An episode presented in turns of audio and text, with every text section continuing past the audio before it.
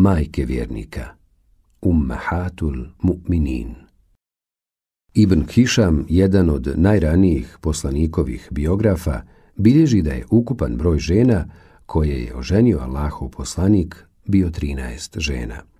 Sa dvije žene nije imao spolni kontakt, tako da one nemaju status majke vjernika. Dvije žene su umrle za njegova života, a to su Hatidža bint Huvejlid i Zeyneb bint Huzeime, poznata kao Umul Mesakin, zaštitnica siromaha. Iza sebe je dakle ostavio devet supruga, a njih ukupno 11 imalo je status majke vjernika. U nastavku iznosimo ukratko osnovne biografske podatke o suprugama Allahovog poslanika, salallahu alaihi wasallam. Hatidža bint Huvejlid je prva poslanikova supruga prije braka s poslanikom sallallahu alihi veselem udavala se dva puta. U vrijeme kad se njom oženio Allahov poslanik, bila je navršila 40 godina, a poslanik alihi nije imao više od 25. To uvjeljivo govori da poslanikov sallallahu alihi Vaselem motiv u sklapanju braka s Hatidžom nije bio samo tjelesni užitak, već i nešto drugo, kao što su njena čast i posvjedočena bistrina uma. Ona je poslaniku rodila svu djecu, izuzev Ibrahima. U međusobnoj ljubavi, slozi i razumijevanju, poslanik je proveo sa Hazreti Hatidžom najljepše dane svoga života. Zbog izvanrednih osobina koje su krasile Hazreti Hatidžu radi Allahu Anha kao suprugu i majku, te njene velike pažnje prema Muhammedu a.s., ona je uživala posebnu poslanikovu ljubav i poštovanje. Ljubav prema njoj poslanik je ispoljavao cijelog života, čak i nakon njene smrti. O Hazreti Hatidži i njenim vrlinama već je bilo govora u prethodnom poglavlju. Sevda bin Zemma je druga poslanikova supruga. Poslanik se s njom oženio u Ševalu, desete godine po poslanstvu. Prije braka s poslanikom, salallahu alihi veselem bila je udata za Sekrana ibn Amra. Muž joj je umro kad se vratio iz iseljeništva u Abesiniju, tako da je ostala bez skrbnika. To je značilo da se mora vratiti svom rodu gdje bi bila izložena maltretiranjima i iskušenjima zbog svoje vjere ili pak kao hudovica biti na teret društvu. Postojala je i treća mogućnost, a to je da se uda za nekog ko nije iz njenog društvenog staleža, što također nije odgovaralo. Poslanik Selam je s njom sklopio brak i na taj način, sklanjajući je kod sebe, zaštitio njenu vjeru i čast. A Iša, Ebu Bekrova kćerka, bila je jedina supruga koju je poslanik oženio kao djevicu. Sve ostale su ranije bile u braku pa su im muževi umrli ili poginuli. Brak sa Aishom poslaniku nije bio u pomisli jer je ona bila veoma mlada. Međutim, Jednom prilikom nakon Hatidžine smrti došla je Havla bint Hakim, supruga Osmana ibn Mazauna i upitala Allaho poslaniče, bili se ti oženio? Poslanik je upitao, s kojom? Ona mu je odgovorila, želiš li djevojku koja nije bila udavana ili želiš ženu koja je ranije bila u braku? On je pitao, ko je djevojka? Odgovorila je, a iša, kćerka tebi najdražeg Allahovog stvorenja, misli na Ebu Bekra. Nakon toga je pitao, a ko je žena koja je bila u braku? Seuda bin Zema, odgovorila je. Poslanik ju je tada rekao da ide i zaprosi ih za njega. Nakon toga poslanik Selam je počeo Aišu sanjati. Aiša u vezi s tim kazuje da je poslanik Selam rekao Tri puta si mi se u snu pojavljivala. Nakon toga, Melek mi te je kradom doveo u odjeći od svile i rekao mi. Ovo ti je supruga. Kad sam ti otkrio lice i vidio da si to ti, rekao sam. Kad je od Allaha, nek bude tako. Navedena predaja jasno govori da je poslanik a išu ženio po objavi, to jest to mu je bilo naređeno. Zbog toga je njena udaja specifična. Poslanik ju je oženio kao djevojčicu, uz pristanak njenog oca Ebu Bekra. To se desilo u Ševalu 11. godine po poslanstvu ili godinu dana nakon ženitbe sa Sevdom. Dakle, dvije godine i pet mjeseci prije Hidže. S obzirom da Aisha tada nije bila šerijatski punoljetna, ona je ostala u kući svoga oca. Nakon što je postala punoljetna, došla je u poslanikovu kuću. To se desilo u Ševalu sedam mjeseci nakon Hidže u Medini kada je izgrađena poslanikova džamija.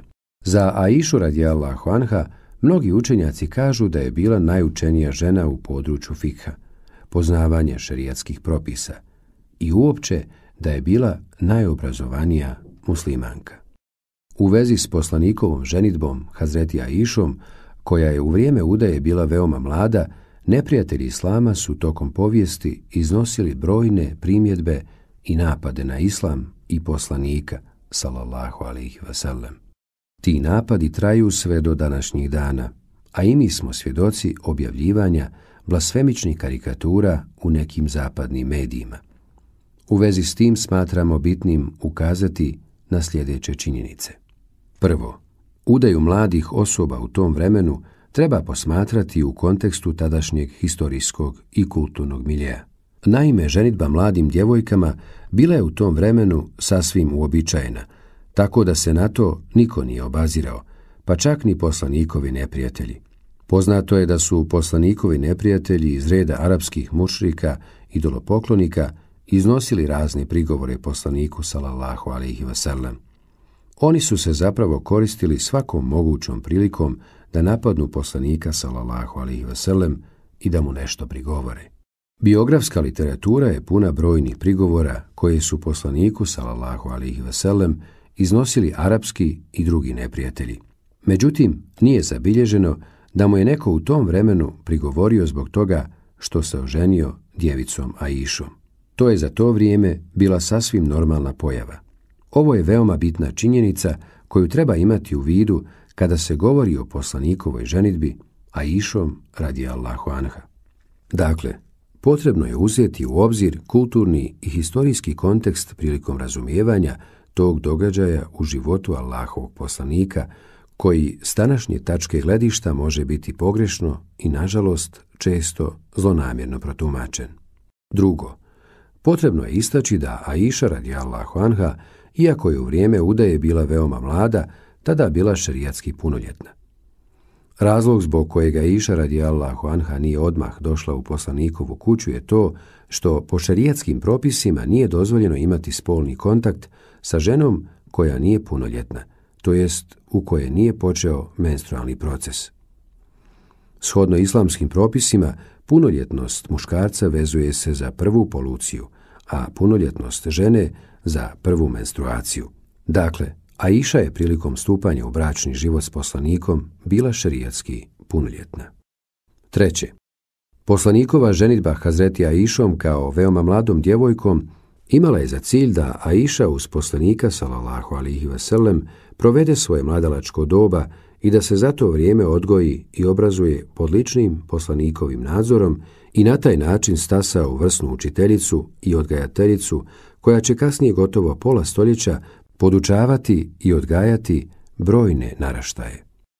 U relevantnoj historijskoj literaturi se navodi da je poslanik sallallahu alaihi preselio na Ahiret 11. godine po hidži, a Hazretija Iša je umrla 57. godine po hidži. Dakle, ona je nakon poslanika živjela još skoro pola stoljeća, a cijelo to vrijeme bila je aktivno uključena u edukaciji novih naraštaja koji su širili misiju Islama. Istaknuti biograf i historičar Ibn Hajar el Eskalani u svom kapitalnom dijelu Takribul Tahzib u biografiji Hazreti Aiše radi Allahu Anha kaže da je ona bila najupućenija žena u području fika, poznavanja šerijatsko-pravnih propisa i općenito razumijevanje vjere. Ta činjenica je također veoma bitna ukoliko se želi pravilno razumjeti zašto se Allahov poslanik sallallahu alejhi ve oženio Hazreti Aišom tako mladom. Hafsa, kćerka Omera ibn Hataba, je prije braka s poslanikom bila udata za Huneysa ibn Huzafu Esehmija. Nakon njegove smrti, Omer je ponudio da se njom oženi Osman ibn Afan. Osman se učtivo izvinuo, pa je ponudio Ebu Bekru. Pošto Ebu Bekr nije dao nikakav odgovor, Omer je otišao i požalio se Allahovom poslaniku. Poslanik Alihiselam se njom oženio, kako bi njenog oca poštedio brige u vezi s njenom udajom i da Omeru iz srca izbriše utisak kako njegovu kćerku niko ne želi. Poslanik se njom oženio treće godine po hijđri. Zeyneb bint Huzeime poznata je po nadimku Umul Mesakin, majka siromaha, zbog velike brige prema siročadi i siromasima. Poslanik Alehiselam se njom oženio iz poštovanja prema njoj i njenom radu za opće dobro. Prije braka s poslanikom bila je udata za Abdullaha ibn Džahša, koji je poginuo kao šehid u bici na Uhudu. Poslanik ju je oženio četvrte godine po hidri, ali ona nije dugo s njim živjela, jer je ubrzo dva ili tri mjeseca nakon udaje umrla. U Museleme el Mahzumija je prije braka s poslanikom sallallahu alaihi veselem bila udata za Ebu Selemu ibn Abduleseda, bila je žena u zrelim godinama, s nejakom djecom.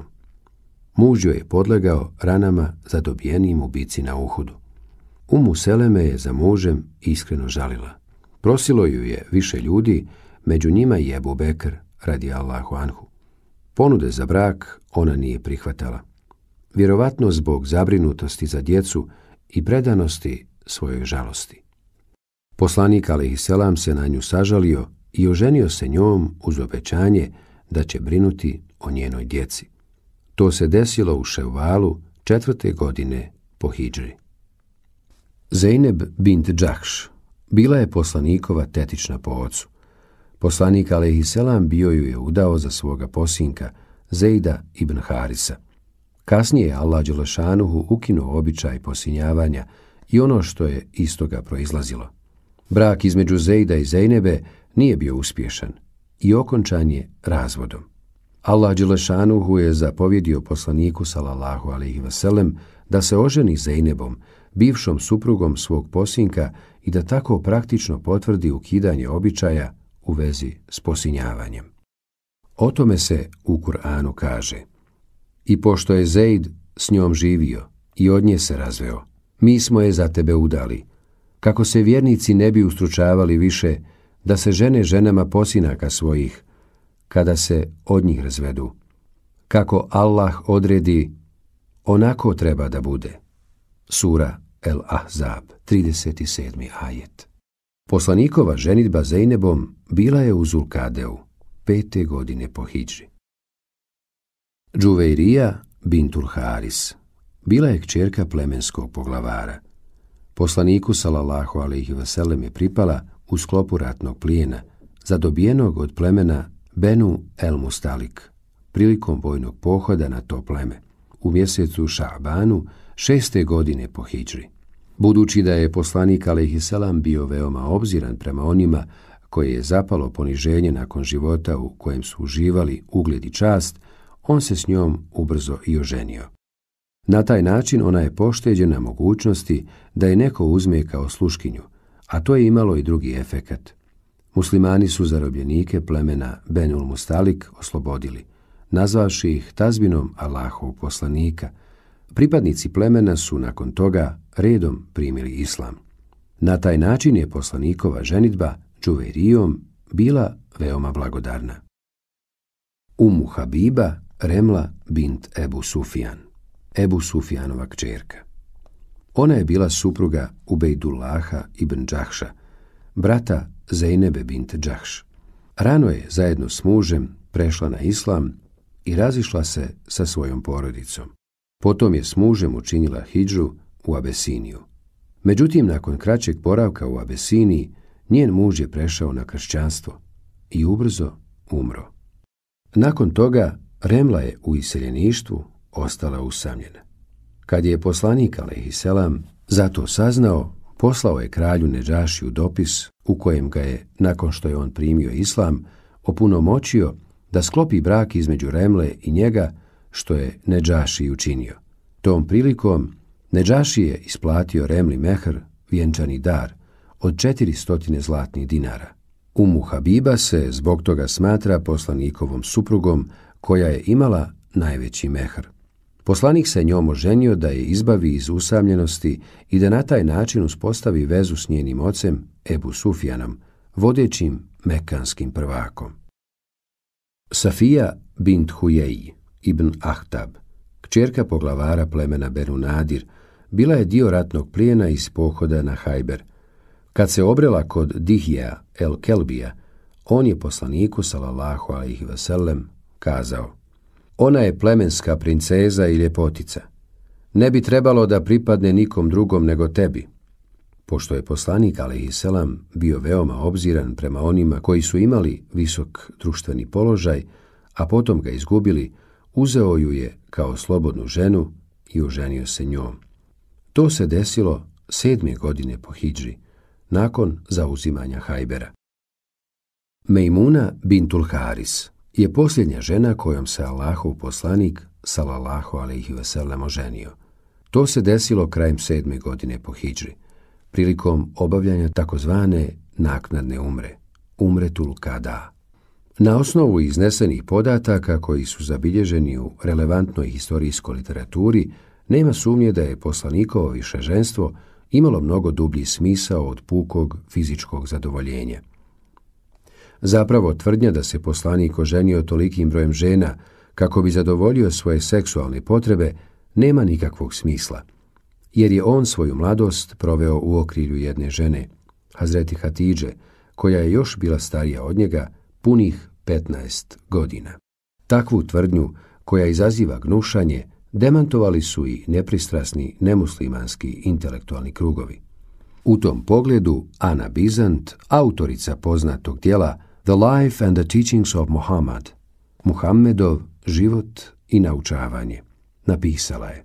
Nemoguće je život i lik velikog arapskog vjerovjesnika proučiti i shvatiti kako je taj vjerovjesnik živio, kako je ljude poučavao, a ne osjetiti poštovanje prema tom velikom vjerovjesniku, jednom od najvećih poslanika. Iako ću ja u sklopu onoga što želim ispričati, možda izložiti nešto što je mnogima poznato – Svaki put kad čitam nešto u vezi s tim, iznova osjetim dodatno poštovanje spram tog velikog arapskog učitelja. Može li neko reći da se čovjek u naponu snage u 25. godini života oženi ženom mnogo starijom od sebe, bude joj odan tokom 25 godina, sve do svoje 50. godine, do vremena kad kod žene presahnu tjelesne pobude, pa se tek nakon svega oženi radi zadovoljenja tjelesnih potreba, a da u tome nema životne mudrosti. Ukoliko se obrati pažnja na žene kojima se on ženio, nije teško uočiti da je svaka od njih bila razlog ulaska u neki savez za dobro njegovih sljedbenika i vjere, ili uporište za ostvarenje nečega što je koristilo njegovim prijateljima, ili je ženi kojom se ženio bila jako potrebna zaštita.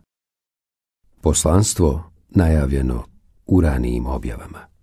Rekonstrukcija Kabe Kada je Muhammedu, alaihisselam, bilo 35 godina, Kurešije su odlučile obnoviti Kabu.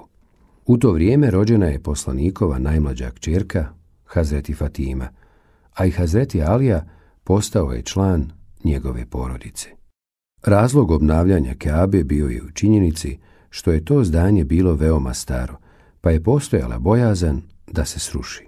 Kaba je inače sagrađena još u vrijeme Ibrahima i Ismaila a.s. i bila je napravljena samo od velikog kamenja, bez žbuke koja bi to kamenje povezivala.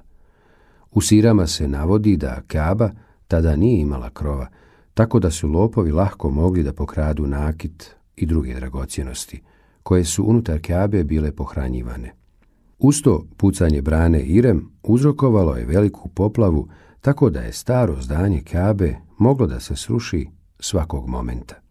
U vrijeme kada su Mekelije razmišljale o obnovi Kabe, u blizini Džide, more je na obalu izbacilo lađu nekog rimskog trgovca, koja se tu razbila. Kurejšije su uzele njene daske i pripremile ih za krov Kabe. U Meki je tada živio i jedan kopt, koji je bio vješt majstor, pa je dogovoreno da i on pomogne u popravci Kabe. S obzirom da je Kaba i u predislamskom periodu bila Arapima sveti hram, odlučeno je da prilozi koji će biti davani za njenu rekonstrukciju budu isključivo od imetka koji je stečen na legalan način. Imetak stečen na osnovu kamate, prevare, krađe i slično nije dolazio u obzir. Kabu je trebalo prvo srušiti do temelja, s kojih su je podigli Ibrahim i Ismail a.s.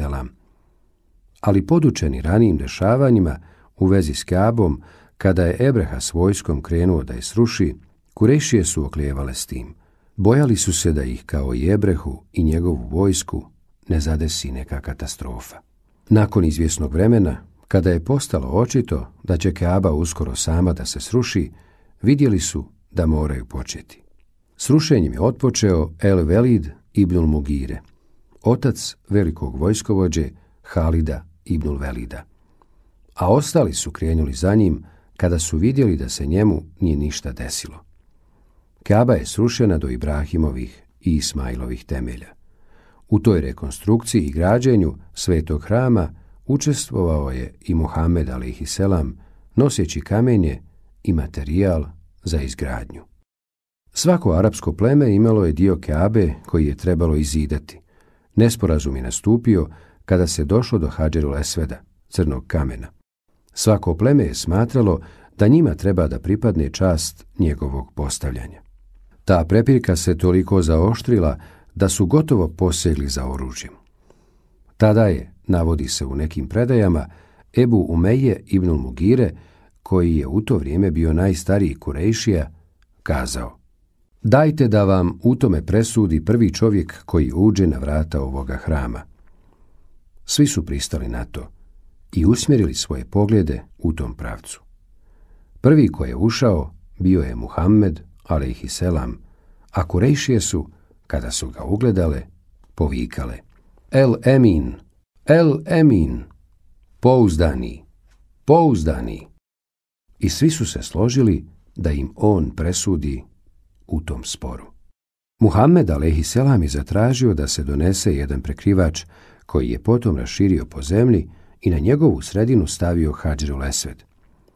Zatim je zatražio da poglavari zavađenih plemena pristupe i da svako od njih uzme za rub prekrivača i zajednički ga podignu.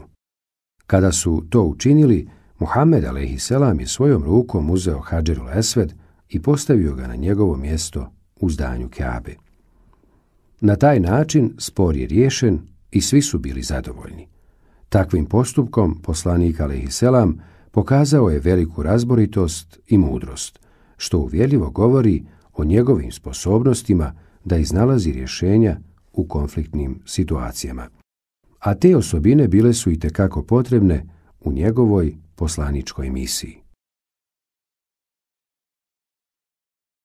Najava njegove poslaničke misije u ranijim objavama.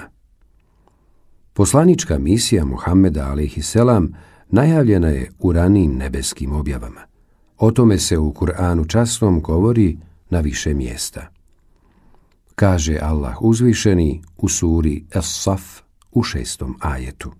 A kada Isa, sin Merjemin, reče O sinovi Israilovi, ja sam vam Allahov poslanik da vam potvrdim prije mene objavljeni Tevrat i da vam donesem radosnu vijest o poslaniku čije je ime Ahmed, koji će poslije mene doći.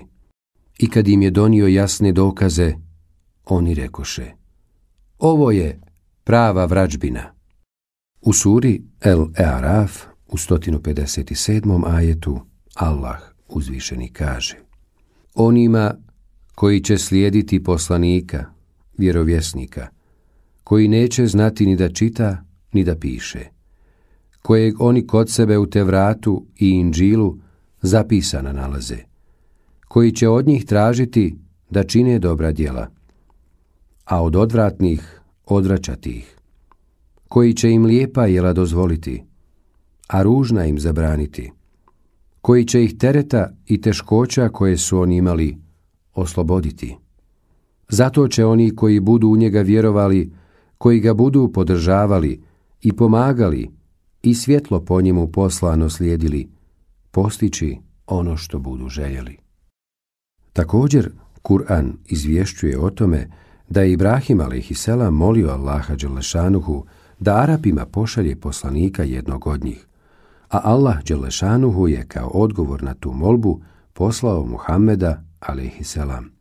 Na to ukazuju riječi uzvišenog gospodara. Kaže Allah uzvišeni u suri El Bekare 129. majetu. Gospodaru naš, pošalji im poslanika, jednog od njih, koji će im ajete tvoje kazivati, i knjizi ih, i mudrosti učiti, i očistiti ih, jer ti si istinu silan i mudar. U Kur'anu časnom ističe se da je Allah Đelešanuhu o Mohamedovom, selam, poslanstvu obavijestio sve vjerovjesnike i zapovjedio im da svojim sljedbenicima saopće kako su obavezni vjerovati u njega i da će on imati svoje sljedbenike koji će ga dočekati. O tome uzvišeni Allah kaže – Allah je od svakog vjerovjesnika kome je knjigu objavio i znanje dao, obavezu uzeo. Kada vam poslije dođe poslanik koji će potvrditi da je istina ono što imate, hoćete li mu sigurno povjerovati i sigurno ga pomagati? Da li pristajete i prihvatate da se na to meni obavežete? Oni su odgovarali, pristajemo. Budite onda svjedoci rekao bi on. A i ja ću s vama svjedočiti. Sura Ali Imran, 81. ajet. Navedeni kuranski tekstovi sasvim jasno ističu da je Muhammedova selam poslanstvo najavljeno u ranijim objavama. Međutim, ranije nebeske objave pretrpjele su mnoge izmjene, dodavanja i oduzimanja. Ali i pored toga u njima još postoje tekstovi koji najavljuju poslaničku misiju Muhammeda selam. Najavljivanje putem Tevrata svete knjige Jevreja. Tevrat, Tora ili knjiga objavljena Musau, kakav danas imamo pred sobom, jasno govori o poslanstvu Hamduta, a to je onaj koga hvale sve zajednice. Kako stoji na margini hebrejskog izvornika, što se izjednačava sa arapskim značenjem riječi Mahmud ili Muhammed, hvaljeni. Međutim, prijevodi vrata na arapski jezik prednost su dali korištenju sintagme muštehu kullil umem, omiljen kod svih zajednica, pred riječima Mahmud i Muhammed, da bi pažnju odvratili od najavljivanja Muhammedovog, selam, poslanstva. U te vratu je zapisano – jer tako kaže gospodar vojski. Zatim, ubrzo će ona sva biti usukana. Zatim ću zaljuljati nebesa i zemlju, more i kopno. Drugo poglavlje, šesti pasus.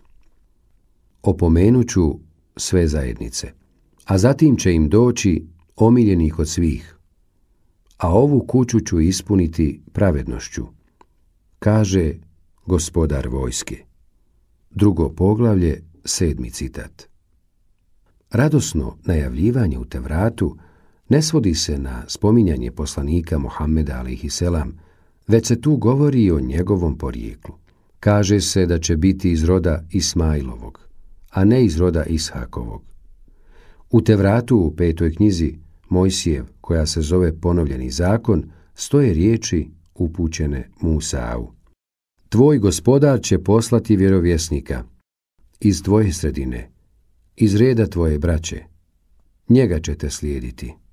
18. poglavlje, 15. citat. Zatim u istom poglavlju slijedi Poslaću im vjerovjesnika iz bratske im sredine, sličnog tebi. Položit ću svoje riječi u njegova usta da im prenosi sve što im ja preporučim. 18. poglavlje, 16. citat i dalje. U Tevratu se uz preciziranje porijekla vjerovjesnika približno tačno određuje i vrijeme slanja. Ona se određuje ukazivanju vjerovjesnika Danijela kad je bio u ropstvu. U devetom poglavlju Danijelove knjige stoji sljedeće. Sedamdeset sedmica sam osudio tvoj narod i tvoj sveti grad – zbog neposluha i griješenja, da se iskupe za grijehe, da se ostvari trajno dobro, da se ostvari san i poslanstvo, da se pomaže uzvišeni Bog. Deveto poglavlje, 24. citat. Nakon navođenja spomenutih predaja iz arapskog prijevoda te vrata, profesor Muhammed Reuas Kalhađi u knjizi Ličnost posljednjeg Allahovog poslanika kaže – Ovdje se pod sedmicom podrazumijevaju godine, jer dan u Allahovom izricanju kazne Israilovom potomstvu znači godinu, kao što stoji u 14. poglavlju Numerija, četvrte knjige Starog zavjeta. Vaši sinovi će pastiri u pustini biti 40 godina. 14. poglavlje, 33. citat.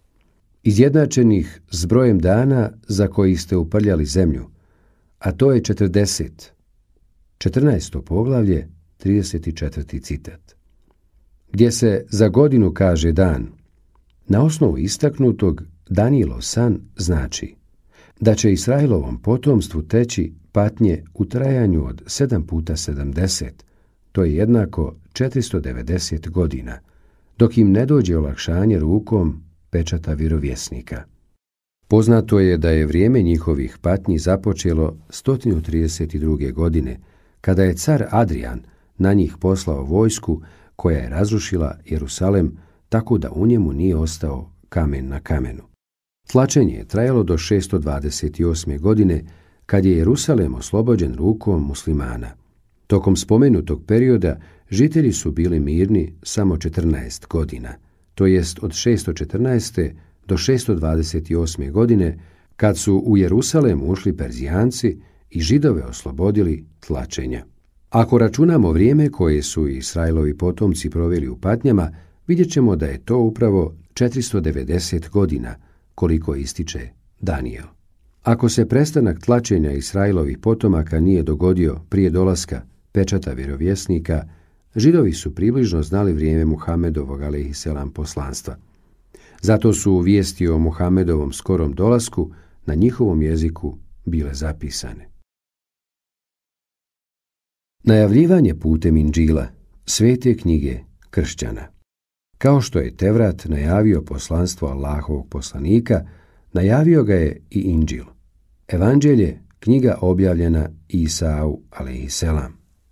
Najavljujući paraklita, a riječ paraklit Parakletos na grčkom znači onaj kojega krase lijepa svojstva, pa ga ljudi zbog toga hvale. Ekvivalent toj riječi na arapskom jeziku je Mahmud, Muhammed ili Ahmed, što znači mnogo hvaljeni. Takvo značenje riječi paraklit dali su prevodioci Barnabinog evanđelja u jednom od poglavlja gdje stoji. Veoma sretno je vrijeme u kojem će nasvijet svijet doći. Vjerujte mi da sam ga ja vidio, kao što su ga vidjeli i drugi vjerovjesnici. Ukazao sam mu počast. Jer Bog vam putem njegovog poslanstva daje svoju dušu. Kad sam ga vidio, bio sam ispunjen poštovanjem i rekao sam Neka je Bog uz tebe, a neka mene učini dostojnim da idem tvojim stopama. Jer ako ja to dostignem, bit ću znamenit vjerovjesnik, pribran kod Boga. Međutim, prevodioci Ivanovog evanđelja izabrali su da riječ paraklit, koja se pojavljuje u izvorniku, prevedu kao El Moazi, utješitelj, umjesto Mahmud, hvaljeni, koju su odabrali prevodioci Barnabinog evanđelja. To zbog toga što su prevodioci Ivanovog evanđelja na arapski jezik željeli odstraniti ime Muhammed, da time eliminišu uporište vjerovanju u njega. U Ivanovom evanđelju u poglavlju 14 stoji A što se tiče utješitelja, to je sveti duh, kojeg otac šalje u moje ime. On će vas svemu poučiti i podsjećati vas na sve što sam ja rekao. 14. poglavlje, 26. citat. U poglavlju 15. stoji A ako je došao utješitelj, sveti duh, kojeg vam je poslao otac, duh istine, od oca koji sve nadkriljuje, on će mu posvjedočiti, vi ćete me također posvjedočiti, jer sa mnom ste od početka. 15. poglavlje, 26. i 27. citat. Najavljivanje u evanđelju ne svodi se samo na spominjanje imena poslanika Muhammeda sallallahu alaihi wasallam, već se spominje i njegovo porijeklo, da će biti Ismailov, a ne Ishakov potomak. U Barnabinom evanđelju stoji Kad dođe Boži poslanik, čijeg roda će biti? Učenik odgovara Davidovog. Isus uzvraća Ne zavaravajte se, jer Davida je duh na početku pozvao i rekao mu Bog je mom gospodinu rekao Sjedi mi s desne strane dok ne učinim da ti neprijatelji budu pod nogama. Bog će poslati tvoju palicu koja će vlast imati na tvojim neprijateljima. Vjerujte mi, govorim vam istinu. Ovo vrijeme je vrijeme Ismaila, a ne Ishaka. Ibn Hisham je u Siri zabilježio riječi Ibn Ishaka, poznatog muslimanskog historičara i biografa, u vezi s osobinama posljednjeg Božijeg poslanika o kojima se govori u Inđilu. Ibn Ishak o tome kaže. Prema meni dostupnim saznanjima, Isa je sin Merijemin. Među onim što mu je objavljeno od Boga u Inđil uvrstio svojim sljedbenicima i opis Božijeg poslanika, ali i selam, što je zabilježio i apostol Ivan kad je ispisivao Inđil iz vremena Isaa. U vezi s poslanikom koji će im doći, zapisano je sljedeće.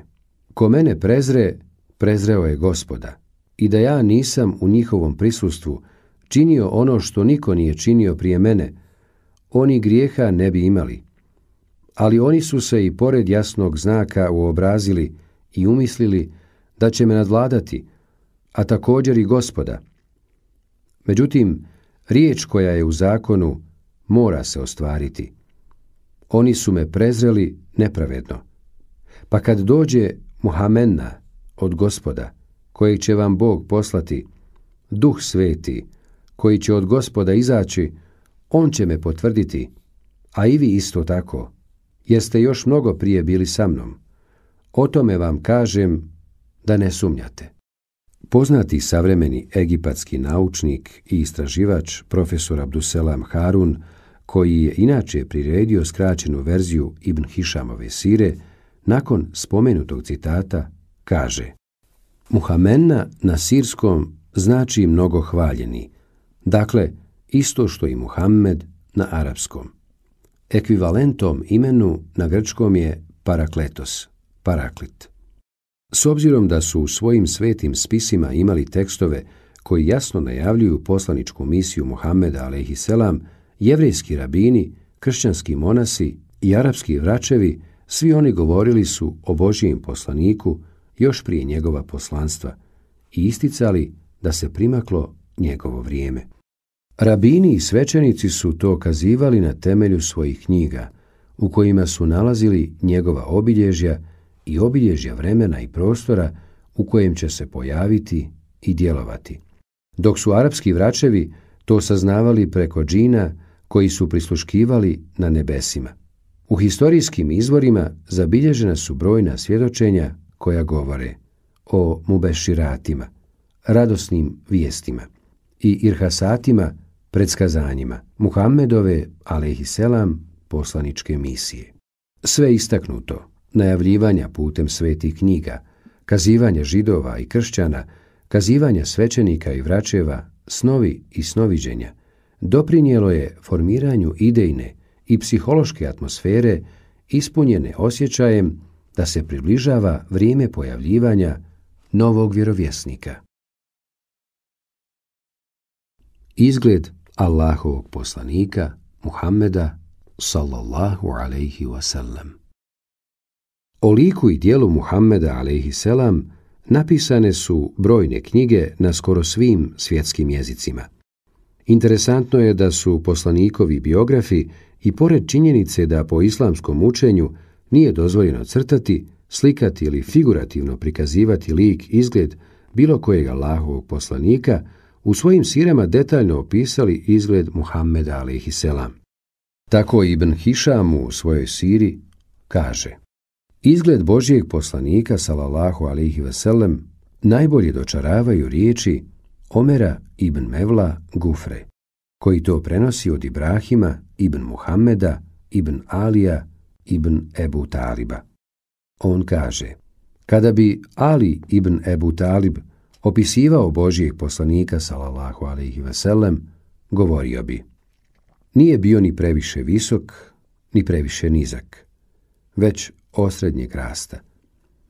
Nije imao ni previše kovrđavu, ani sasvim opuštenu kosu, već onako valovitu. Nije bio ni predebeo, ani butrast. Imao je bijel ten i krupne crne oči s tugim trepavicama. Krupne zglobne kosti i pleća.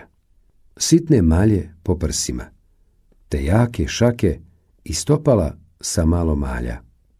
Kad je hodao, nije koračao čvrsto, već kao da ide nizbrdo.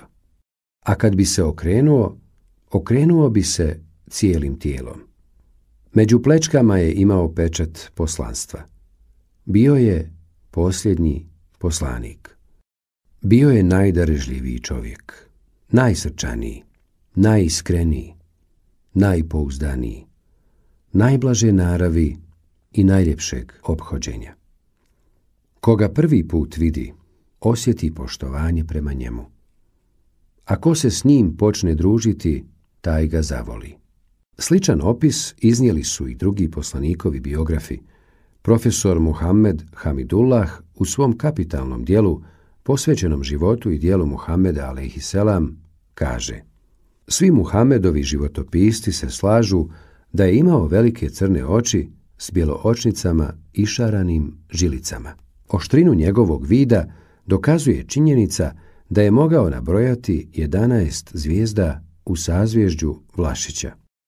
Bijaše svijetle puti, divnih usta i blistavi zubi koji su izgledali kao biseri u kutiji od rubina široka čela, velike glave, lijepo zasvođenih sastavljenih obrva, kukasta nosa, ispupčenih jagodica, uvučena trbuha, a izbačenog grudnog koša. Kosa mu ne bijaše ni posve ravna, ni kovrđasta. Stopala su mu ostavljala potpuno ispunjen trag, jer uopće nisu imala ulegnuće. Bijaše širokog prsnog koša, a tankih nogu.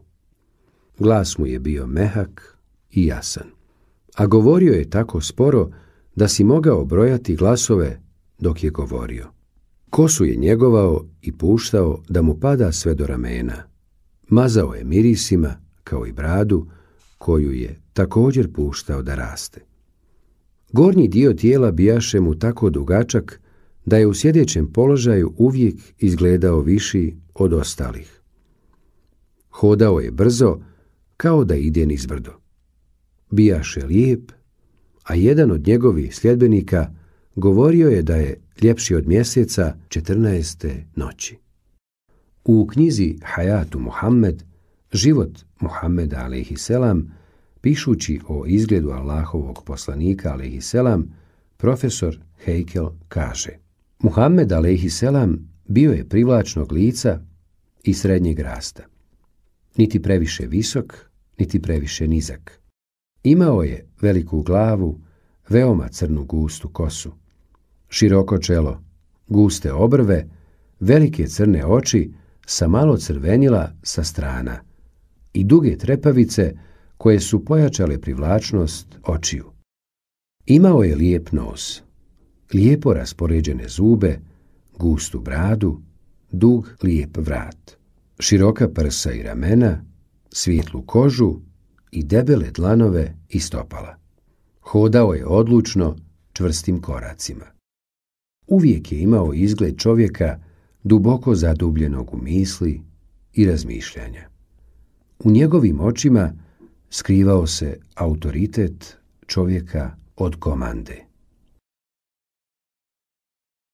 Imena Allahovog poslanika u El Džuzulijevom dijelu Delailul Hajrat, upute ka dobru, nabrojano je dvije stotine poslanikovih, salallahu alaihi veselem, imena. Drugi autori nabrajaju čak i više.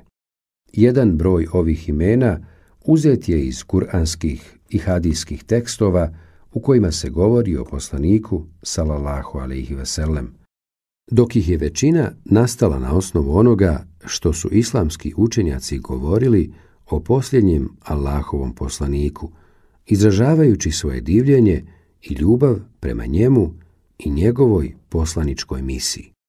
To se potom prenosilo s jedne generacije muslimana na drugu i na osnovu tih imena može se između ostalog vidjeti s koliko žara, pažnje i ljubavi su muslimani tokom svoje povijesti pisali i govorili o Allahovom miljeniku, Hazreti Muhammedu, salallahu alaihi vasallam. U nastavku navest ćemo neka od poslanikovih, salallahu alaihi vasallam, imena, shodno El Džuzulijevom popisu. Abdullah, Allahov rob. Ebul Kasim, otac Kasimu. Ebu Ibrahim, otac Ibrahimov.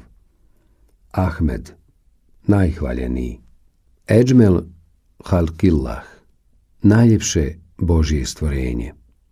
Alemul Huda, bajra kupute. El Emin, povjerljivi. Ainun Naim, izvor blagoslova. Balig, prenositelj. El Bešir, onaj koji razveseljava. El Burhan, dokaz. Dalilul Hajrat, vodič dobru. Darul Hikmeh, kuća mudrosti. Zikrullah, sjećanje na Allaha. El Fatih, onaj koji otvara. El Gaus, pomagač. Habibullah, Allahov miljenik. El Hašir, sakupljač na dan sudnji. El Ilmul Jakin, sigurno znanje. Imamul Muttaqin, predvodnik bogobojaznih. El Kamil, savršeni. Kašiful kerb, otklanjatelj tuge. Halilur Rahman, prijatelj milostivog. Hatemul Enbija, pečat vjerovjesnika.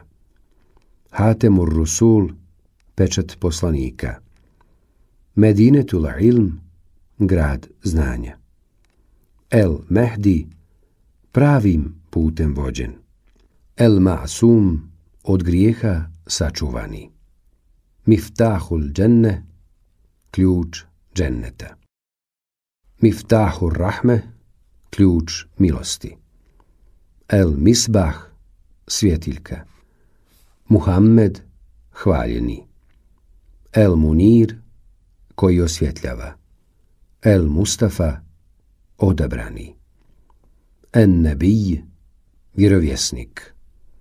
En nezir, opominjač.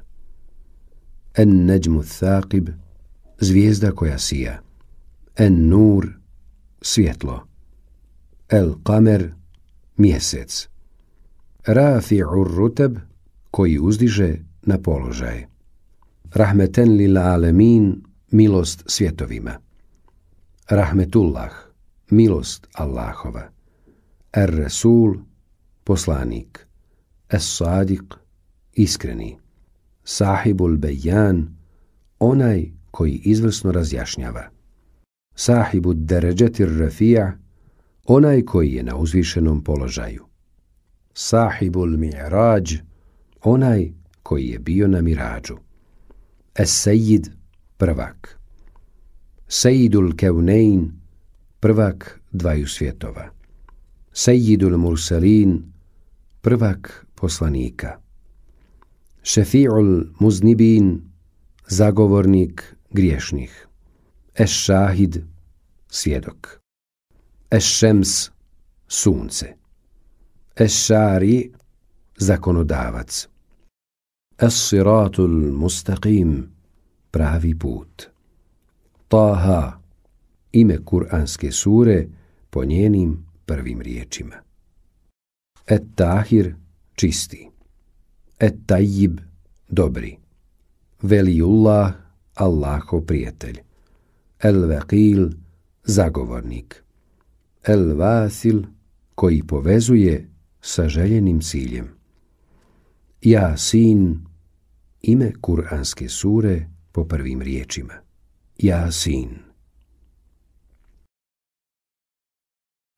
Početak objave Osamljivanje u pećini Hira i prije poslanstva Muhammedov salallahu alihi život bio je daleko od poroka i nemorala.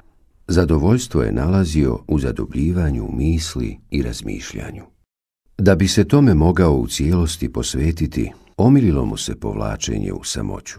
Nekoliko godina prije poslanstva odlazio je na brdo Nur, nedaleko od Mekke, i sklanjao se u pećinu Hira, gdje bi provodio nekoliko dana i noći zaredom ponijevši hranu i vodu. Kurejšije u tome nisu vidjele ništa čudno, jer je povlačenje u osamu bilo uobičajeno među Ismailovim potomcima. U svakoj generaciji bilo je onih koji bi se povlačili u osamu, na neko sklonutije mjesto, kako bi izvjesno vrijeme proveli daleko od ljudi, njihove zlobe i pokvarenosti. Kako se vrijeme vjerovjesništva više primicalo, u Muhammedu alaihi sve više je rasla ljubav za osamljivanjem. U pećini Hira bi provodio mnoge dane i noći, a najviše se osamljivao u Ramazanu. Osamljivanje je inače prava prilika da se čovjek posvjeti razmišljanju. Onaj ko je bio u prilici da posjeti pećinu Hira, bit će mu jasno šta znači osamljivanje u njoj jedan cijeli mjesec. To znači odvojenost od ovog svijeta i ljudi s njihovim lahkomostima i pohlepom za ovosvjetskim zabludama, kao i od ružnih postupaka. Na tom uzdignutom mjestu, ispunjenom potpunim mirom i tišinom, s pogledom na brda i doline i mogućnošću da Meku posmatra sa odstojanja, Muhammed a.s. je razmišljao o sebi, o bitku, o tome kuda ide on i njegovi sunarodnjaci koji obožavaju kipove. Razmišljao je o Allahovim blagodatima, podarenim ljudima i ljudskoj ovisnosti o tim blagodatima. No i pored toga što su u potpunosti ovisni o Allahu i njegovim blagodatima, ljudi te blagodati nisu koristili za postizanje Allahovog zadovoljstva. Osamljen u tišini, Muhammed a.s. obraćao se Allahu uzvišenom, molići ga da uputi njega i njegov narod. Predislamski Arapi inače vjerovali su da postoji Allah, o čemu Kur'an govori na više mjesta, ali su činili širk, pripisujući mu druga u njegovoj vlasti i moći. Prva objava kada je Muhammed, alejhiselam, napunio 40 godina, doba koje se inače smatra čovjekovom zrelosti, počeli su se javljati znaci poslanstva. Prvo je počeo sanjati ono što bi se kasnije u javi potpuno obistinjavalo. Ti poslanikovi snovi u islamskoj literaturi nazivani su ruja istiniti snovi. I o njima postoje predaje koje su zabilježene u najpoznatijim i najautentičnijim hadijskim zbirkama poput El Buharijevog i Muslimovog sahiha. Poslanikova supruga, Hazreti Aisha radi Allahu Anha, opisala je te snove da su bili jasni poput svitanja zore. Snovi su se pojavljivali punih šest mjeseci, a poslanstvo je trajalo 23 godine. U jednom hadisu poslanik Aleyhisselam rekao je da snovi predstavljaju jedan od 46 dijelova poslanstva. Ti snovi su zapravo bili Allahovo pripremanje poslanika Aleyhisselam za primanje objave što će ubrzo uslijediti. Poslanik je bio pripreman na još jedan način. U to vrijeme on je, tragajući za mjestima gdje će se moći osamiti i razmišljati, imao običaj izlaziti iz Mekke i udaljavati se dok mu se kuće ne bi izgubile iz vida.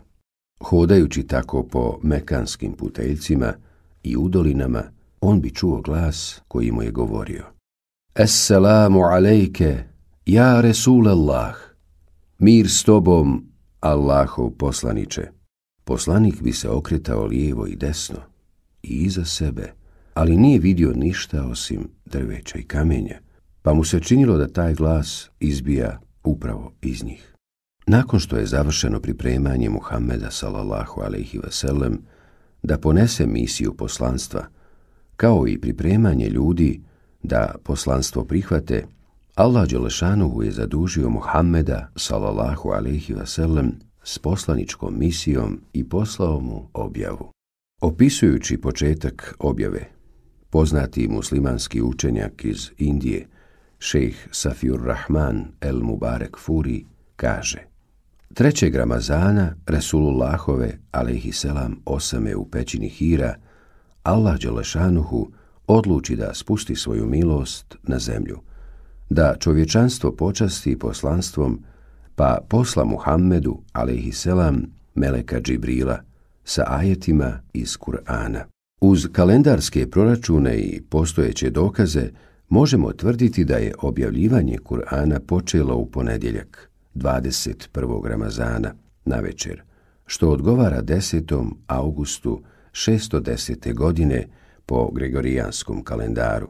Resulullah sallallahu alaihi wasallam tada je imao tačno 40 mjesečevih lunarnih godina i 6 mjeseci i 12 dana ili oko 39 sunčevih godina i tri mjeseca i 22 dana.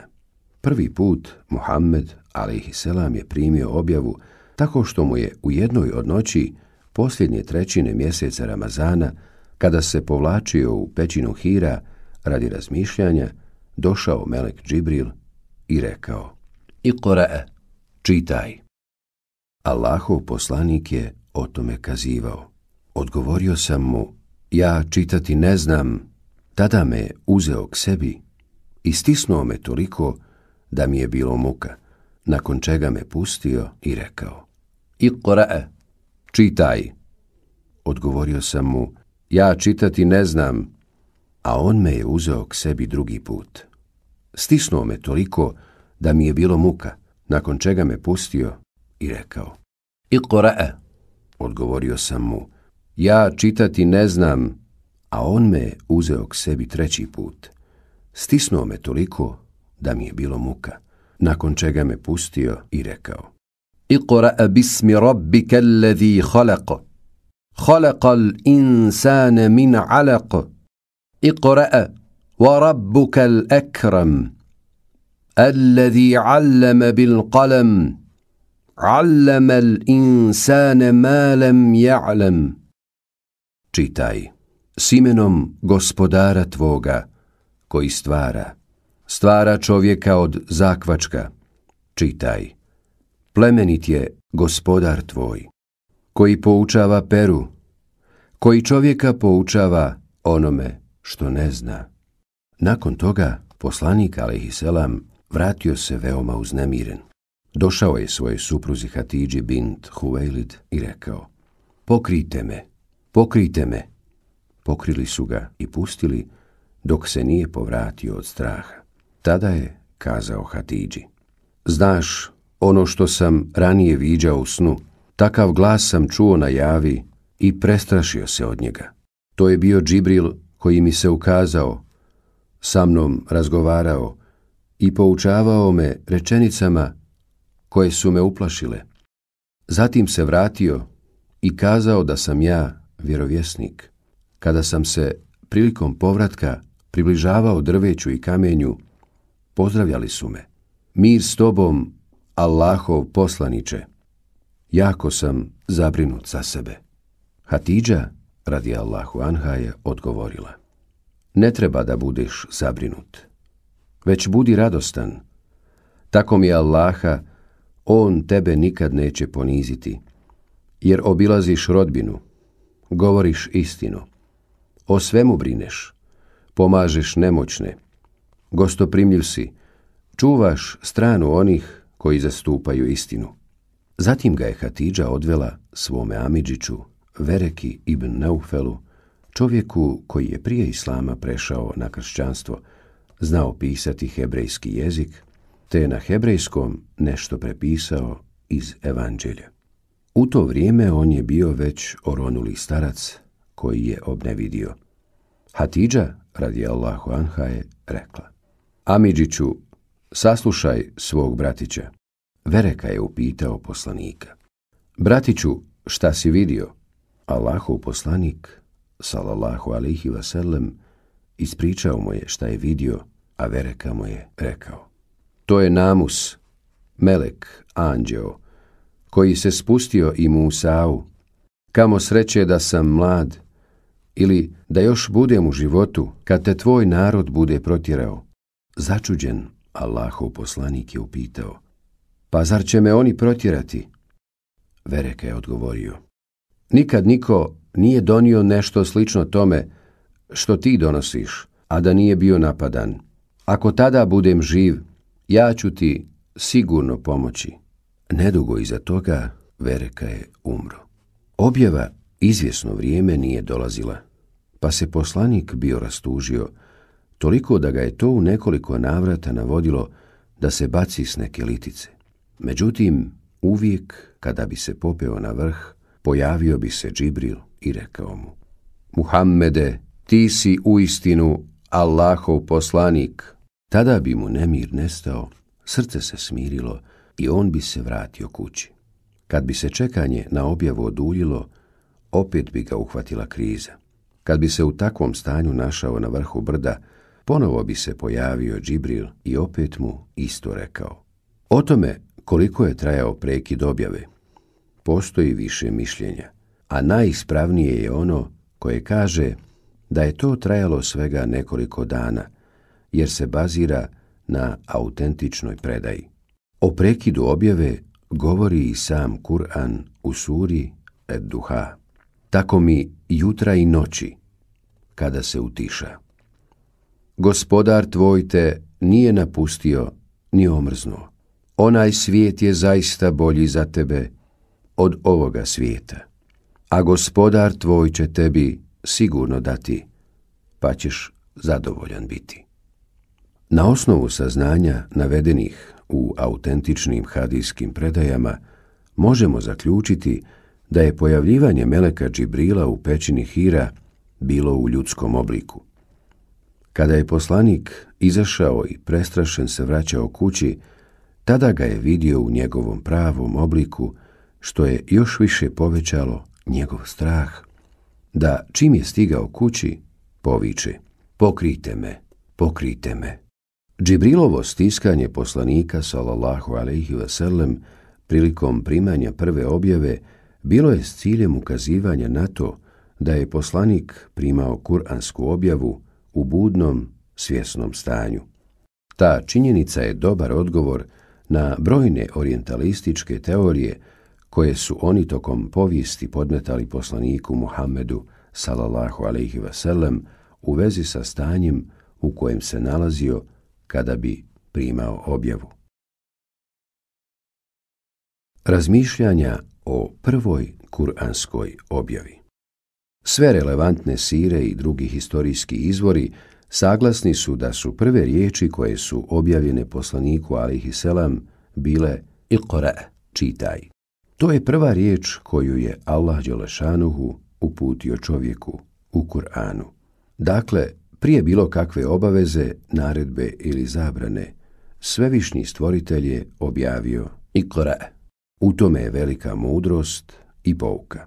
Time se insistira na učenju i obrazovanju, jer epoha koja dolazi pred ljudski rod, epoha je intenzivnog učenja i intelektualnog pregnuća. Čitaj, uči, proučavaj, saznaj, obrazuj se. Sve su to validni prijevodi kuranskog ikora.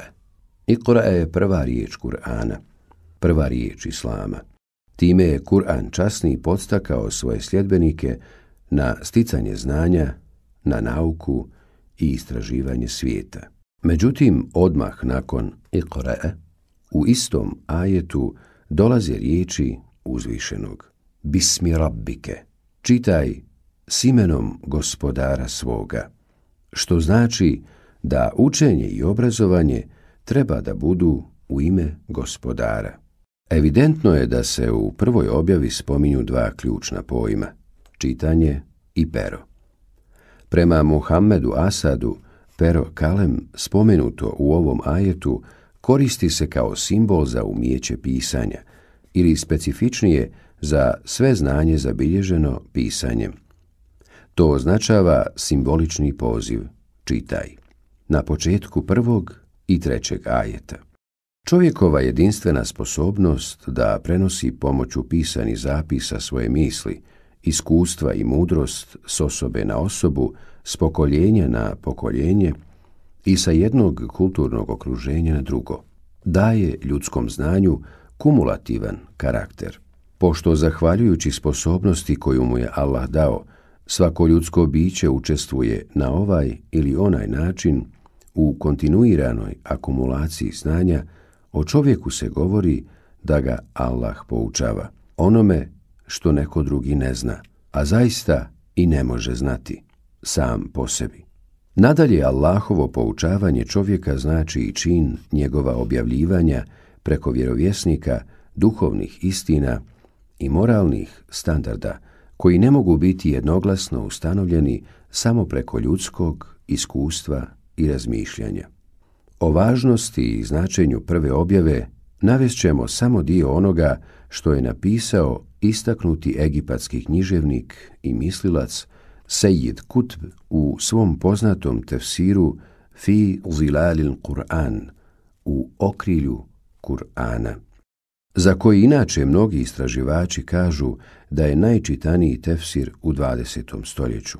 On, rahimehullah, kaže Zastao sam ovdje pred ovim događajem, preko kojeg bi, kad god bismo čitali o njemu u dijelima o Siri i Tefsiru, prelazili i ostavljali ga ili bismo zastali malo kod njega, a onda ga ostavili. To je krupan događaj, veoma krupan, bezgranično krupan, koliko god pokušavali danas obuhvatiti njegovu kolosalnost, mnoge njegove strane ostaće izvan domašaja našeg poimanja. To je krupan događaj po svojoj suštini, krupan po svom značenju, krupan po svojim posljedicama u životu cjelokupnog čovječanstva. Ovaj moment u kojem se dogodio ovaj događaj smatra se, bez pretjerivanja, najvažnijim momentom u dugoj povijesti zemlje. Šta je suština onoga što se tada desilo? Njegova suština je u tome da je uzvišeni Allah veličanstveni, silni, nadmoćni, gordi, vladar svega, ukazao počast u svojoj uzvišenosti okrenuvši se ovom stvorenju, zvanom čovjek, nastanjenom u jednom dijelu kosmosa koji se gotovo i ne vidi, a ime mu je Zemlja. Ukazao je počast ovom stvorenju, izabirajući jednog od njih da bude stjecište njegova božanskog svjetla, spremište njegove mudrosti i riječi, oličenje njegova određenja kojeg on želi postići ovim stvorenjem. Koje je značenje tog događaja? On znači kada je u pitanju uzvišeni Allah, da je njegova dobrota velika, milost obilna, da je plemenit, pun ljubavi, dobročinitelj, da obilno daje svoje darove i milost bez uzroka i povoda. On znači, kada je u pitanju čovjek, da je njega uzvišeni Allah počastio takvom počasti koju gotovo nije u stanju ni pojmiti, a nije u stanju ni odužiti se za nju zahvalom. Ne može se zahvaliti samo za ovo, kada bi i cijeli život proveo na ruku i seđdi. To da ga Allah podsjeća, poklanja mu pažnju, povezuje ga sa sobom. Izabire od njegove vrste poslanika i objavljuje mu svoje riječi da zemlja, njegovo stanište, postane mjesto silaska ovih riječi, kojima odzvanjaju strane bitka skrušeno i radosno. A što se tiče posljedica tog velikog događaja u životu svekolikog čovječanstva, one su prisutne od prvog trenutka. Počele su mijenjati liniju povijesti od onog momenta kad su počeli mijenjati liniju ljudske svijesti. Od časa kada se precizirala strana kojoj se čovjek okreće i prima od nje svoje shvatanja, vrijednosti i mjerila. Nije to zemlja i nije strast, već nebo i Božja objava. Iqra i njegove refleksije na ljudsku povijest. Nakon objave Ikre, poslaniku je u različitim vremenskim intervalima i okolnostima 23 godine stizala objava Kur'ana. Toliko je zapravo i trajala njegova poslanička misija. Objava Kur'ana uzrokovala je jedan od najvećih preobražaja u povijesti ljudskog roda. Nijedna knjiga u povijesti čovječanstva nije tako dominantno utjecala na profiliranje ljudske misli kao Kur'an. Nijedna nije toliko komentarisana, prepisivana, proučavana, učena na pamet, niti prevođena na sve relevantne svjetske jezike poput Kur'ana časnog. Smatramo podesnim da o tome iznesemo zapažanje dvojice vjerovatno najpoznatijih europskih konvertita u islam u 20. stoljeću. Muhammeda Asada prešao na islam 1926. godine i Murada Hoffmana prešao na islam 1980. godine. Prvi je prije prelaska na islam bio jevrej, a drugi kršćanin. jedan i drugi slove za vrhunske intelektualce i napisali su o islamu značajna dijela i studije. Prema Muhammedu Asadu, prije prelaska u islam, on se zvao Leopold Weiss, Kur'an je više nego bilo koja druga poznata pojedinačna pojava utjecao na religijsku, društvenu i političku povijest svijeta. Nijedna druga sveta knjiga nije imala sličan direktan utjecaj na živote ljudi koji su prvi put čuli njenu poruku i preko njih i generacija koje su slijedile, na čitav tok civilizacije. Ona je potresla Arabiju i od arapskih vječno zavađenih plemena formirala naciju. U toku nekoliko decenija ona je proširila svoj pogled na svijet daleko izvan granica Arabije i izgradila zajednicu planetarnih razmjera. Svojim insistiranjem na svijesti i znanju ikre uči čitaj, Kur'an je među svojim sljedbenicima podstakao duh intelektualne radoznalosti i nezavisnog istraživanja, što je konačno dovelo do veličanstvene ere učenja i znanstvenog istraživanja kojim se odlikovao islamski svijet na vrhuncu svoje kulturne moći. Kultura podstaknuta Kur'anom prodrla je bezbrojnim putevima i prečacima u duh srednjovjekovne europske kulture koju nazivamo renesansom. Pa tako tokom vremena postala odlučujući faktor u rađanju onoga što se naziva vijek znanosti u kojem sada živimo. Murad Hoffman je nekadašnji njemački diplomat i ambasador u Maroku. Bio je i njemački predstavnik u najvišim svjetskim organizacijama. Autor je nekoliko veoma korisnih studija o islamu, islamskoj misli, kulturi i problemima s kojima se susreću muslimani današnjice, pogotovo oni koji žive na zapadu. U svom izuzetno vrijednom dijelu Islam kao alternativa Osvrćući se na prvu kuransku objavu, Hoffman piše Ozbiljan musliman razmišlja o Bogu i njegovom stvaranju, stojeći, sjedeći i ležeći.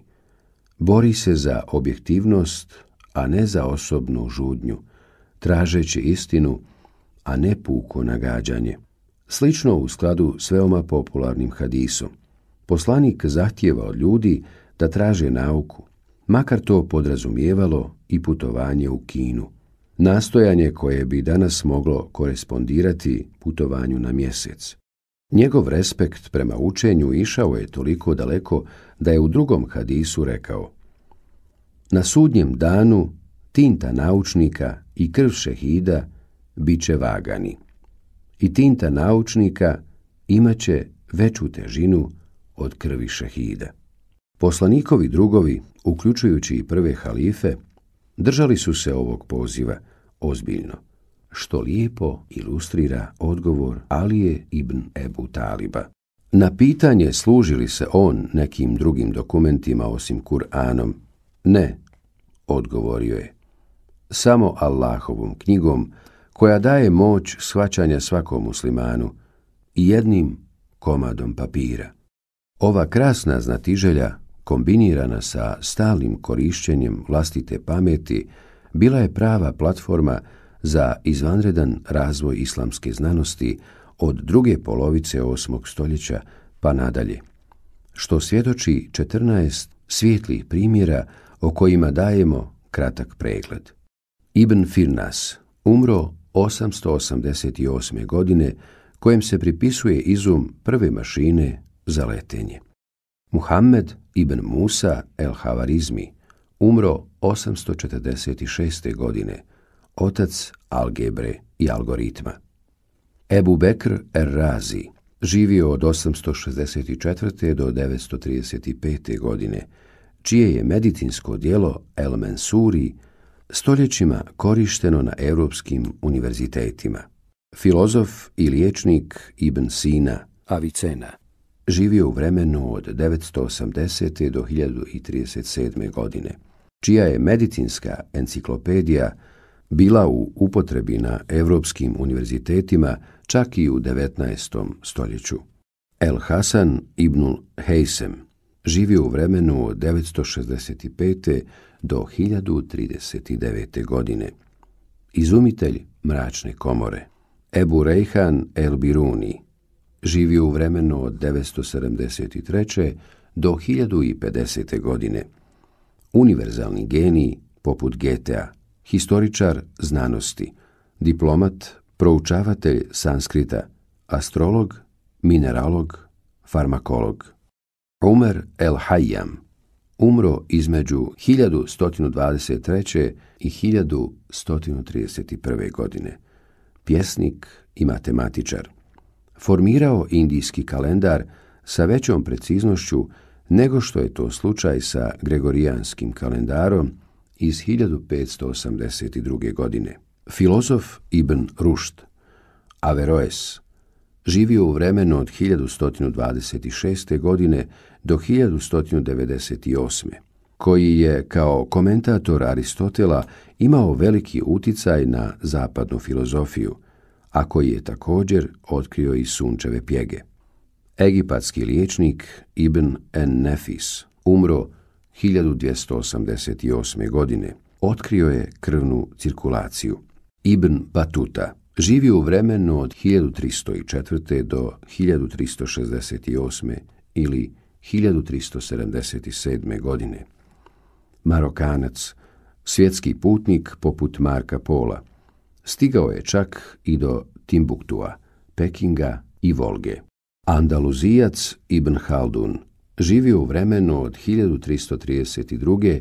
do 1406. godine, koji se smatra na osnovu uvoda El Mukaddime svoje historije svijeta, Kitabul Iber, utemeljiteljem sociologije i moderne historiografije sa revolucionarno novom kritikom izvora. Moreplovac Ahmed ibn Mađid, autoritet 15. stoljeća za okeanska putovanja. Turski geograf i admiral Piri Reis živio u vremenu od 1480. do 1553. godine, čija knjiga Kitabi Bahrije sa svojim preciznim mapama mora još uvijek zapanjuje svojim sadržajem. Njegov kolega Sejidi Ali Reis umro 1562. godine, izmjerio je azijsku obalu i razvio nautičku astronomiju. Ova kratka lista samo pokazuje da Zapad nije bio taj koji je došao do helenističke baštine, nego je to bio islamski svijet. S obzirom na pravu eksploziju nauke i tehnologije u islamskom svijetu, bjelodano je da je kulturna razmjena u srednjem vijeku išla jednim smjerom. S obzirom da su muslimani teško mogli naći išta vrijedno za učenje na zapadu. Zapad je bio čisti uvoznik, od vjetrenjače i trubadurskih pjesama do gotičkih zaoštrenih svodova. Taj kulturni imperializam, kako bismo to mogli nazvati danas, ostavio je tragove i u jeziku. Danas kada govorimo o admiralu, algebri, cifri, amalgamu, alkoholu, lutnji, gitari, alkovenu, muslinu ili tarifi, još uvijek koristimo arapski vokabular. Tajno pozivanje u islam i prvi muslimani. Poslanik nakon prve objave. Ranije je spominjano da je poslanik alejselam nakon prve objave bio veoma zabrinut. Objava je nešto što je nadprirodno i što dolazi iz svijeta nepoznatog i nevidljivog. Alemon Laib. I to je u poslaniku izazivalo strah i zabrinutost. Njegova čestita supruga, Hazreti Hatidža, bodila ga je i govorila mu Ne trebaš biti zabrinut, već budi radostan. Tako mi Allaha on tebe nikad neće poniziti, jer obilaziš rodbinu, govoriš istinu, o svemu brineš, pomažeš nemoćne, gostoprimljiv si, čuvaš stranu onih koji zastupaju istinu. Zatim ga je odvela svome Amidžiću, Vereki ibn Neufelu, veoma učenom čovjeku koji je bio upućen u svete spise kršćana i jevreja. On je poslanika umirio rekavši mu da je on posljednji Božji vjesnik i da je njegovo poslanstvo najavljeno u prijašnjim objavama. Ubrzo nakon prve objave objavljeni su ajeti s početka sure El Qalem. U tim ajetima Allah Đelešanuhu bodri poslanika sallallahu alaihi vasallam i otklanja od njega dileme. Nun, tako mi kalema i onoga što oni pišu ti nisi milošću gospodara svoga lud. Ti ćeš sigurno nagradu neprekidnu dobiti, jer ti si zaista najljepše čudi. Sura El Kalem od prvog do četvrtog ajeta. Nakon toga uslijedila je kraća pauza, a onda je objavljena sura Ed Duha. U toj suri, između ostalog, govori se o tome da ga Allah Đelešanuhu nije ostavio i napustio. Naprotiv, on, Muhammed, selam Allahov je miljenik i odabranik i podareno mu je stalno Allahovo okrilje i zaštita. Njemu su velike počasti ukazane, a najveća je poslanstvo. U zadnjem ajetu sure Ed-Duha Allah Đulašanuhu kaže I o blagodati svoga gospodara kazuj, to je jasna naredba poslaniku da o svome poslanstvu govori i da poziva ljude da se odazovu na božanski poziv koji im se upućuje putem njegove poslaničke misije. Među prvim surama koje su objavljene poslaniku sallallahu alaihi je i sura El Mudesir. Na početku te sure Allah Đelešanuhu kaže O ti pokriveni, ustani i opominji, i gospodara svoga veličaj, i haljine svoje očisti, i kumira se kloni, i ne prigovaraj držeći da je mnogo, i radi gospodara svoga trpi. Sura El Mudesir od prvog do sedmog ajeta. Ovi ajeti jasno su pokazali poslaniku sallallahu alaihi vasallam, put kojim treba ići. To je put pozivanja ljudi u islam i taj put neće biti nimalo lahak. Na tom putu treba će velika izdržljivost, upornost i strpljenje. Nakon objavljivanja spomenutih ajeta u surama El Mudesir i Ed poslanik je počeo govoriti o blagodati koju je Allah dao njemu, a s njim i ostalim ljudima. Govorio je o svom poslanstvu tajno, prvo svojim najbližim ukućanima, rodbini i prijateljima u koje je imao povjerenje. Period trajnog pozivanja u islam trajao je tri godine. Za to vrijeme poslanik je u kući mladića koji se zvao El Erkam ibn Ebul Erkam u tajnosti pozivao ljude u islam. Ta kuća je u islamskoj literaturi poznata kao Darul Erkam i nalazila se na brežuljku Safa. Tajno okupljanje u Erkamovoj kući potrajaće i poslije, sve dok muslimani s Omerovim prihvaćanjem islama nisu ojačali, tako da se tada moglo odpočeti sa javnim nastupima. U toj kući poslanik je odgojio generaciju istinskih vjernika, koji su kasnije u najtežim okolnostima uvijek bili uz poslanika, salallahu alaihi vasallam prvi muslimani i muslimanke. es kunel awwalun U sirama i drugoj historijskoj literaturi precizno se navode imena i redoslijed onih koji su se prvi odazvali na poslanikov u islam.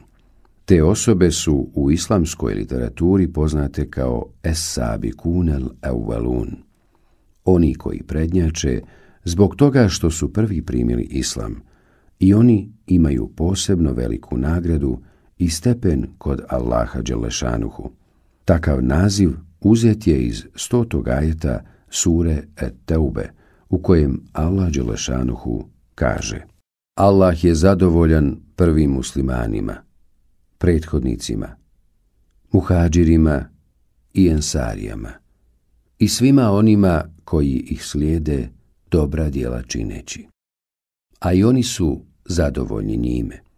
Za njih je on pripremio džennetske bašče kroz koje će rijeke teći i oni će vječno i zauvijek u njima boraviti. To je veliki uspjeh. S obzirom na zasluge prvih muslimana i muslimanki, smatramo bitnim navesti njihova imena uz kraća pojašnjenja u vezi s nekim ličnostima. U tom pogledu poslužili smo se enciklopedijskim dijelom Sijer Alamin Nubela, biografije znamenitih ljudi, čiji je autor veliki islamski učenjak i biograf Hafiz Ez-Zehebi, umro 748. hidžetske godine ili 1374. godine, koji inače slovi za jednog od najvećih muslimanskih historičara – Hafiz Ezehebi autor je brojnih dijela iz hadisa i kritike njegovih prenosilaca i poznat je po svojoj preciznosti, utemeljenosti i sistematičnosti, te je zbog toga odabran redoslijed koji je on naveo u spomenutom dijelu. U Muhamedovu salallahu alaihi vaselem poslaničku misiju prva je povjerovala njegova supruga Hazreti Hatidža. Ona je inače živjela u velikoj slozi ljubavi s poslanikom, salallahu alaihi vasallam, još od samog početka njihovog braka, 15 godina ranije. Hazreti Hatidža primjer je žene koja ima mnogo razumijevanja za svog muža, njegova stremljenja, želje i nastojanja. Poznato je da je ona bila starija od poslanika 15 godina, što znači da je u vrijeme kada je poslanik primio prvu objavu ona imala 55 godina. Poslanik je dvije, tri godine prije poslanstva odlazio u pećinu Hira radi osamljivanja i razmišljanja. Pećina Hira smještena je na stjenovitom brdu iznad Meke i pristup do nje veoma je težak. Treba preći velike prepreke, uspeti se na brdo, sazdano od velikog i oštro kamenja. Proći kroz rastje pustijenama, pa tek onda stići do pećine hira. Po takvom strmovitom terenu, gdje se začas može okliznuti, pasti i povrijediti, potrebno je gotovo dva sata da se dođe u pećinu hira. Hazreti Hatidža se i pored svojih više od 50 godina uspinjala po takvom terenu i donosila svome mužu hranu dok je on provodio Ramazan u osami. A kada je primio objavu ona je bila prva koja je u to povjerovala. Čvrsto je stala uz svog muža, bodreći ga i dajući mu moralnu i materijalnu podršku. Zbog svega navedenog, Hazreti Hatidža ima veliki stepen i deređu kod Allaha Đalešanuhu i njegovog poslanika, salallahu alaihi vasallam. Nakon Hatidže, Islam je primio Alija ibn Ebu Talib, on je inače živio u poslanikovoj kući nakon što je poslanik ponudio svome Amidži, Ebu Talibu, koji je imao puno čeljadi, da Alija pređe u njegovu, a Džafer u Abasovu kuću. A nakon njega poslanikov usvojeni sin Zeid ibn Haris. Alija je tada imao svega deset godina. Tako su oni koji su u to vrijeme bili u poslanikovoj kući, dakle poslanikova najbliža porodica primili islam. U tome je pouka dajjama da u vjeru i poštivanje vjerskih istina prvo pozovu najbliže članove svoje porodice. Potom je islam primio Ebu Bekr ibn Ebu Kuhafe. On je bio poslanikov bliski prijatelj. Uživao je veliki ugled među kurejšijama i slovio za veoma čestitog, razumnog i poštenog čovjeka bio je najbolji poznavalac kurejšijske genealogije. Najviše je znao o njima, i dobrog i lošeg. Bavio se trgovinom i bio je poznat po svojoj moralnosti i dobročinstvu. Uz to znao je tumačiti snove.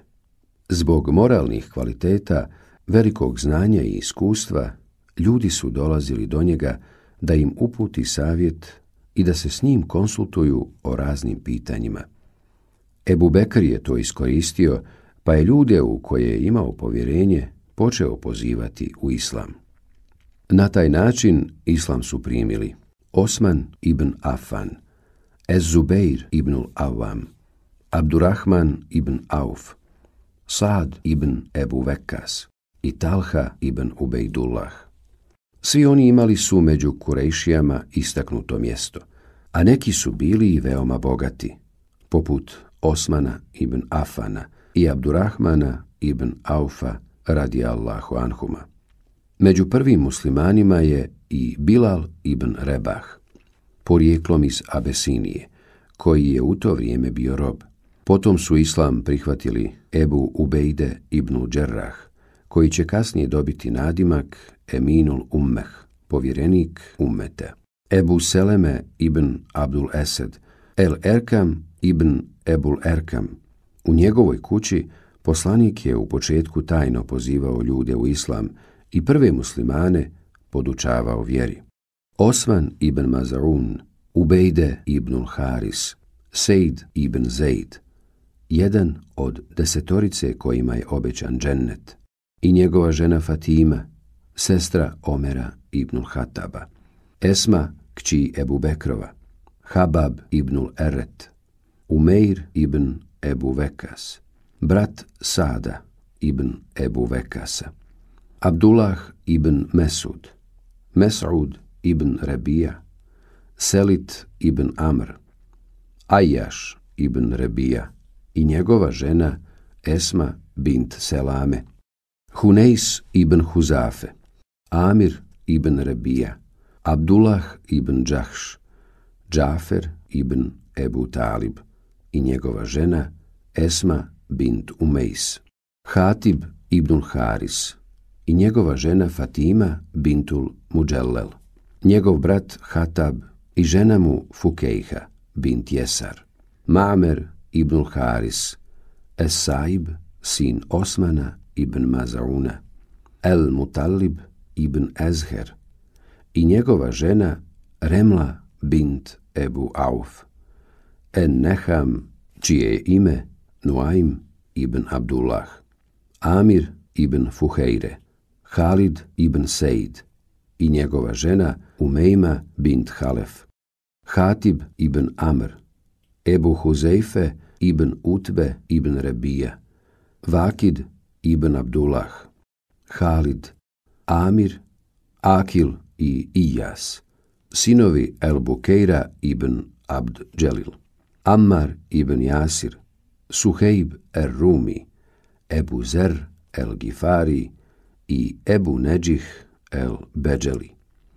Nakon njih islam su primili poslanikov Amidža Hamza, koji će dobiti nadimak Esedullah, Allahov lav, i Omer ibn Hatab el-Faruk.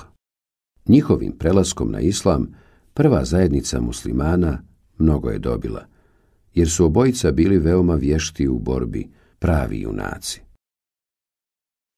Propisivanje namaza Mnogi ljudi misle da je namaz propisan na mirađu, dakle tek 10 ili 11 godina nakon prve objave. To je pogrešno razumijevanje. Na mirađu je propisano pet namaskih vremena, to jest obavezno klanjanje pet puta dnevno u tačno preciziranim vremenskim intervalima. Sabah, podne i kindija, akšam i jacija. Namaz je naređen poslaniku, salallahu alihi vasallam, još u Meki, ubrzo nakon primanja prve objave. U relevantnim sirama i drugoj islamskoj literaturi navodi se da je Melek Džibril jednom prilikom nakon što se ustalila objava došao poslaniku alihi selam i izveo ga van Mekke.